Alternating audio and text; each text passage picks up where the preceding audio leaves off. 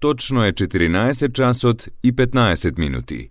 Ја следите програмата на македонски јазик на јавната медиумска установа Радио Телевизија Војводина, трета програма. Емисија Македониум.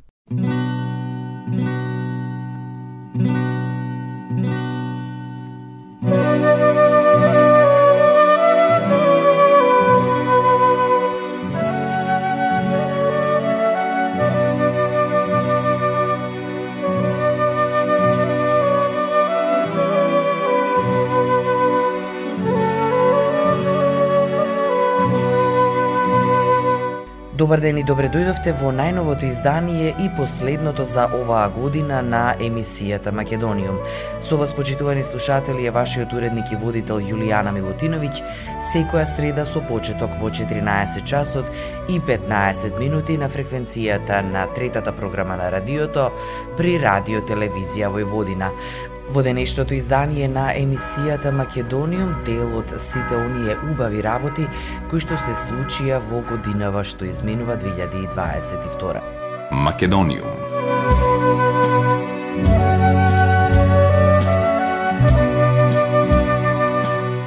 Во Нови Сад Европската престолнина на културата на единствениот мултимедијален книжевен павилјон Селитби на душите гостуваше македонската писателка и критичарка Румена Бужаровска. На гостувањето покрај тоа што зборуваше за незините книги кои се преведени и во Србија, зборуваше општо за жените, феминизмот, правата на жените, говорот на омраза, за различноста, за тоа како нас од овие простори не доживуваат на Запад. Таа рече, работите се менуваат полека. Не може се тоа да се случи промените со тек на 10 или 20 години. Со самото тоа дека пред 100 години воопшто не сме имале право да гласаме, да носиме панталони, да се разведеме, да имаме свој посед или имот, многу работи не ни биле дозволени.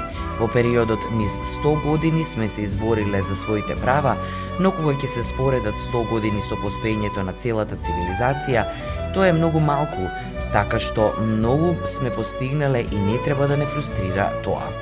На прашањето дали ни фали повеќе родна перспектива и родов баланс во книжевноста, за женскиот глас во книжевноста, за кој во последно време многу се зборува, Румена тогаш рече: "Мислам дека е се повеќе присутен, мислам дека жените авторки на вистина многу се читаат, но исто мислам дека не се баш институционализирани. Повторно е тоа нешто како за публика, знам дека секогаш кога ќе кажам дека јас пишувам за жените и дека тоа се феминистички текстови, секогаш го добивам она, а тоа нешто е сега модерно и капитализираш на тоа, женските приказни не се толку битни, битни се некои епови. Мене не ме интересира што луѓето размислуваат за тоа, всушност, ако се лутат за тоа, супер, Мислам дека жените се се поприсутни и тоа е нормално, а и публиката е воглавно женска. Не знам како е кај вас ситуацијата, но јас тоа го гледам емпириски низ искуство. Дека жените повеќе читаат, на пример низ едно истражување во Германија, се покажува дека 70% од читателската публика се жени, а 30 мажи. Така да нормално е жените да бараат да читаат нешто што им е ним поблиско, некакви женски искуства и жените полека го земаат нормалниот простор кој треба да го имаат. Румена на незиното гостување во Нови Сад зборуваше и за тоа како епидемијата влијаела на незиното творештво. Македонија Оваа година во март месец започне и наставата по македонски јазик на далечина за сите иселеници и за оние кои сакаат да го научат македонскиот јазик како што објави Агенцијата за иселеништво на Република Македонија на нивниот сајт. Наставата ја води Билјана Димко од училиштето Логос и се одржува преку Google Meet платформата. Часовите по македонски јазик се одржуваат во вторник и во четврток и тоа по македонско основно време со почеток во 18 часот, а сите други оние кои што ја следат оваа настава се вклучуваат во зависност од зоната во која што живеат. Македониум Делегацијата на Европската Унија во Скопје ја прогласи македонската ликовна уметница и планинарка Илина Арсова за Европска жена на годината. Илина беше представена од страна на амбасадорката на Германија Анке Холштайн. Покрај неа во изборот учествува и докторка Маја Мојсова Мијовска, представена од амбасадорката на Хрватска Ниве Стигањ. Предприемничката Наталија Бургиева представена од амбасадорот на Европската Унија Дейвид Гир, режисерката Дина Дума представена од амбасадорката на Шведска Кристин Форсгрен Бенгстон, директорката на Националната галерија Дита Старова Керими, представена од амбасадорката на Романија Моника Аксинте. Македониум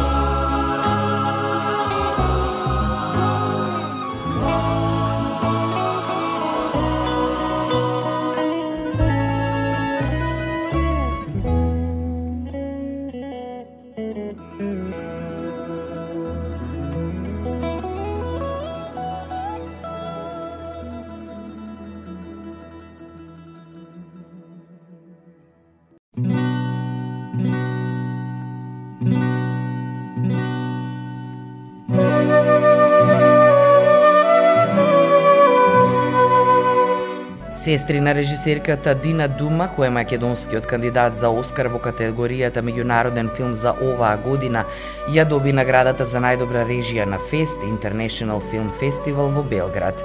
Младата македонска режисерка Дина Дума при врачувањето на наградата рече дека е особено среќна што е пред публиката на Фест, бидејќи незиниот филм е зачнат токму во Белград на Фест пред 4 години. Во своето сообштение жирито изјави: Режисерката е наградена за својата вештина на водење и насочување на младите актери и фантастичното раскажување низ објективот. Филмот успеа да раскаже приказна за една доста значајна обштествена тема од нашето време и да го поттикне диалогот. Филмот Сестри имаше светска премиера на филмскиот фестивал во Карлови Вари, каде ја освои специјалната награда на жирито во програмата Источно од Западот, а македонската фестивалска премиера беше со фестивалот за филмска камера Браќа Манаки во Битола. Филмот ни открива едно тинејџерско друштво во кое поважно е да се забавуваат следбениците на социјалните мрежи, отколку да се негува нормално пријателство. Македониум Културниот центар во Вршац подпиша спогодби за работно-техничка соработка со Националниот совет на Македонската национална заедница и новинско-издавачката установа НИУМИЦ, односно Македонски информативен издавачки центар. Според зборовите на директорот на Културниот центар Вршац, Давор Стојковиќ, оваа спогодба ќе ги регулира односите во овие институции во областа на културата и ќе придонесе за подобра и поквалитетна соработка во иднина за добробит на подписниците, Македонската национална заедница и сите граѓани. Председателот на Советот на Македонската национална заедница Борче Величковски кажа за тоа дека со оваа спогодба само се потврдува традиционалното пријателство помеѓу Македонската национална заедница во Војводина и град Вршац. Македониум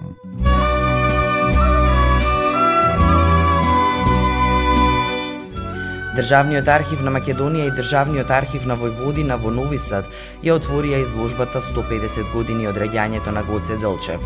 Нови Сад и архивот на Војводина е прва станица на изложбата 150 години од раѓањето на Гоце Делчев, бидејќи овој град е Европска престолнина на културата за 2022.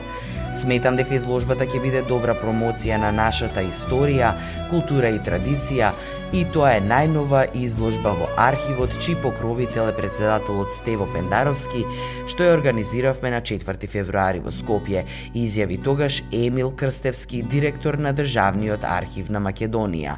Тој ја истакна доста добрата соработка со архивот на Југославија, државните архиви на Србија и Војводина, со кои се склучени договори, истакнувајќи ја соработката со архивот на Југославија во процесот на сукцесија на СФР Југославија за преземање на архивската граѓа од овој архив. Нови Сад е престолнина на европската култура и драго ни е што Нови Сад и Србија се препознати како место каде што треба да се постави изложбата 150 години од раѓањето на Гоце Делчев. Изјави тогаш по повод оваа изложба Небојша Кузмановиќ, директор на архивот на Војводина, истакнувајќи дека во 1926-та на ист ден во тогашна Југославија институционално се отворени архивите на Скопје и Нови Сад, што помеѓу останатото влијаеше за посебниот меѓусебен однос и соработка во однос со останатите архиви од поранешна Југославија. Македониум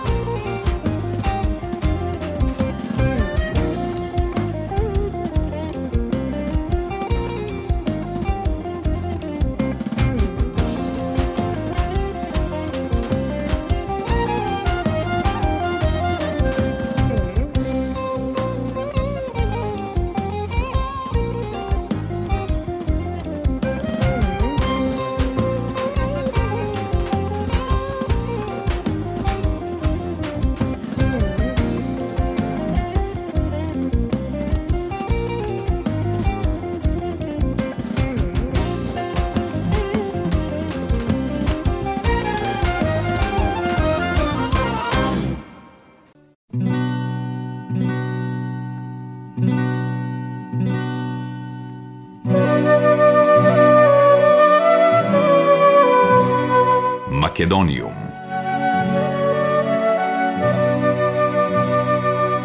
Представата Ана Каренина според романот на Толстој во режија на македонскиот режисер Дејан Пројковски, а во продукција на Новосадскиот театар, се здоби со 22 награди, кои овој театарски продукт на Пројковски ги доби во последните две години во Србија и пошироко. Наградата за најдобра театарска режија за цела театарска сезона во Србија, според Белград Идити Culture, блог за култура ја доби представата Ричард Трети во режија повторно на Дејан Пројковски.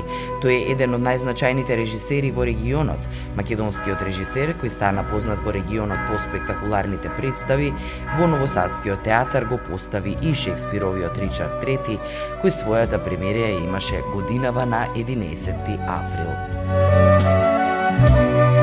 Македониум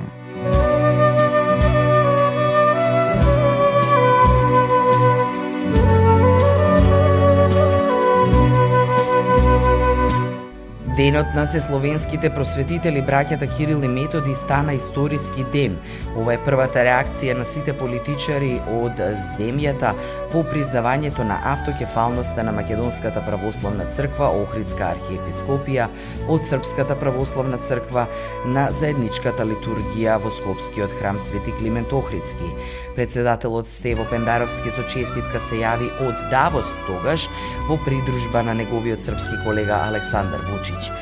Со председателот на Република Србија Александар Вучиќ по кратката средба во Давос, заеднички ја поздравивме одлуката на Српската православна црква за прифаќање на автокефалноста на Македонската православна црква Охридска архиепископија како чекор во вистинска насока, објави председателот Пендаровски на својата Facebook страница.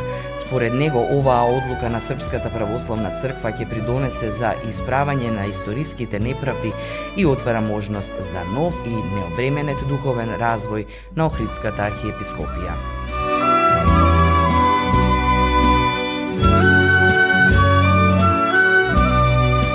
Македониум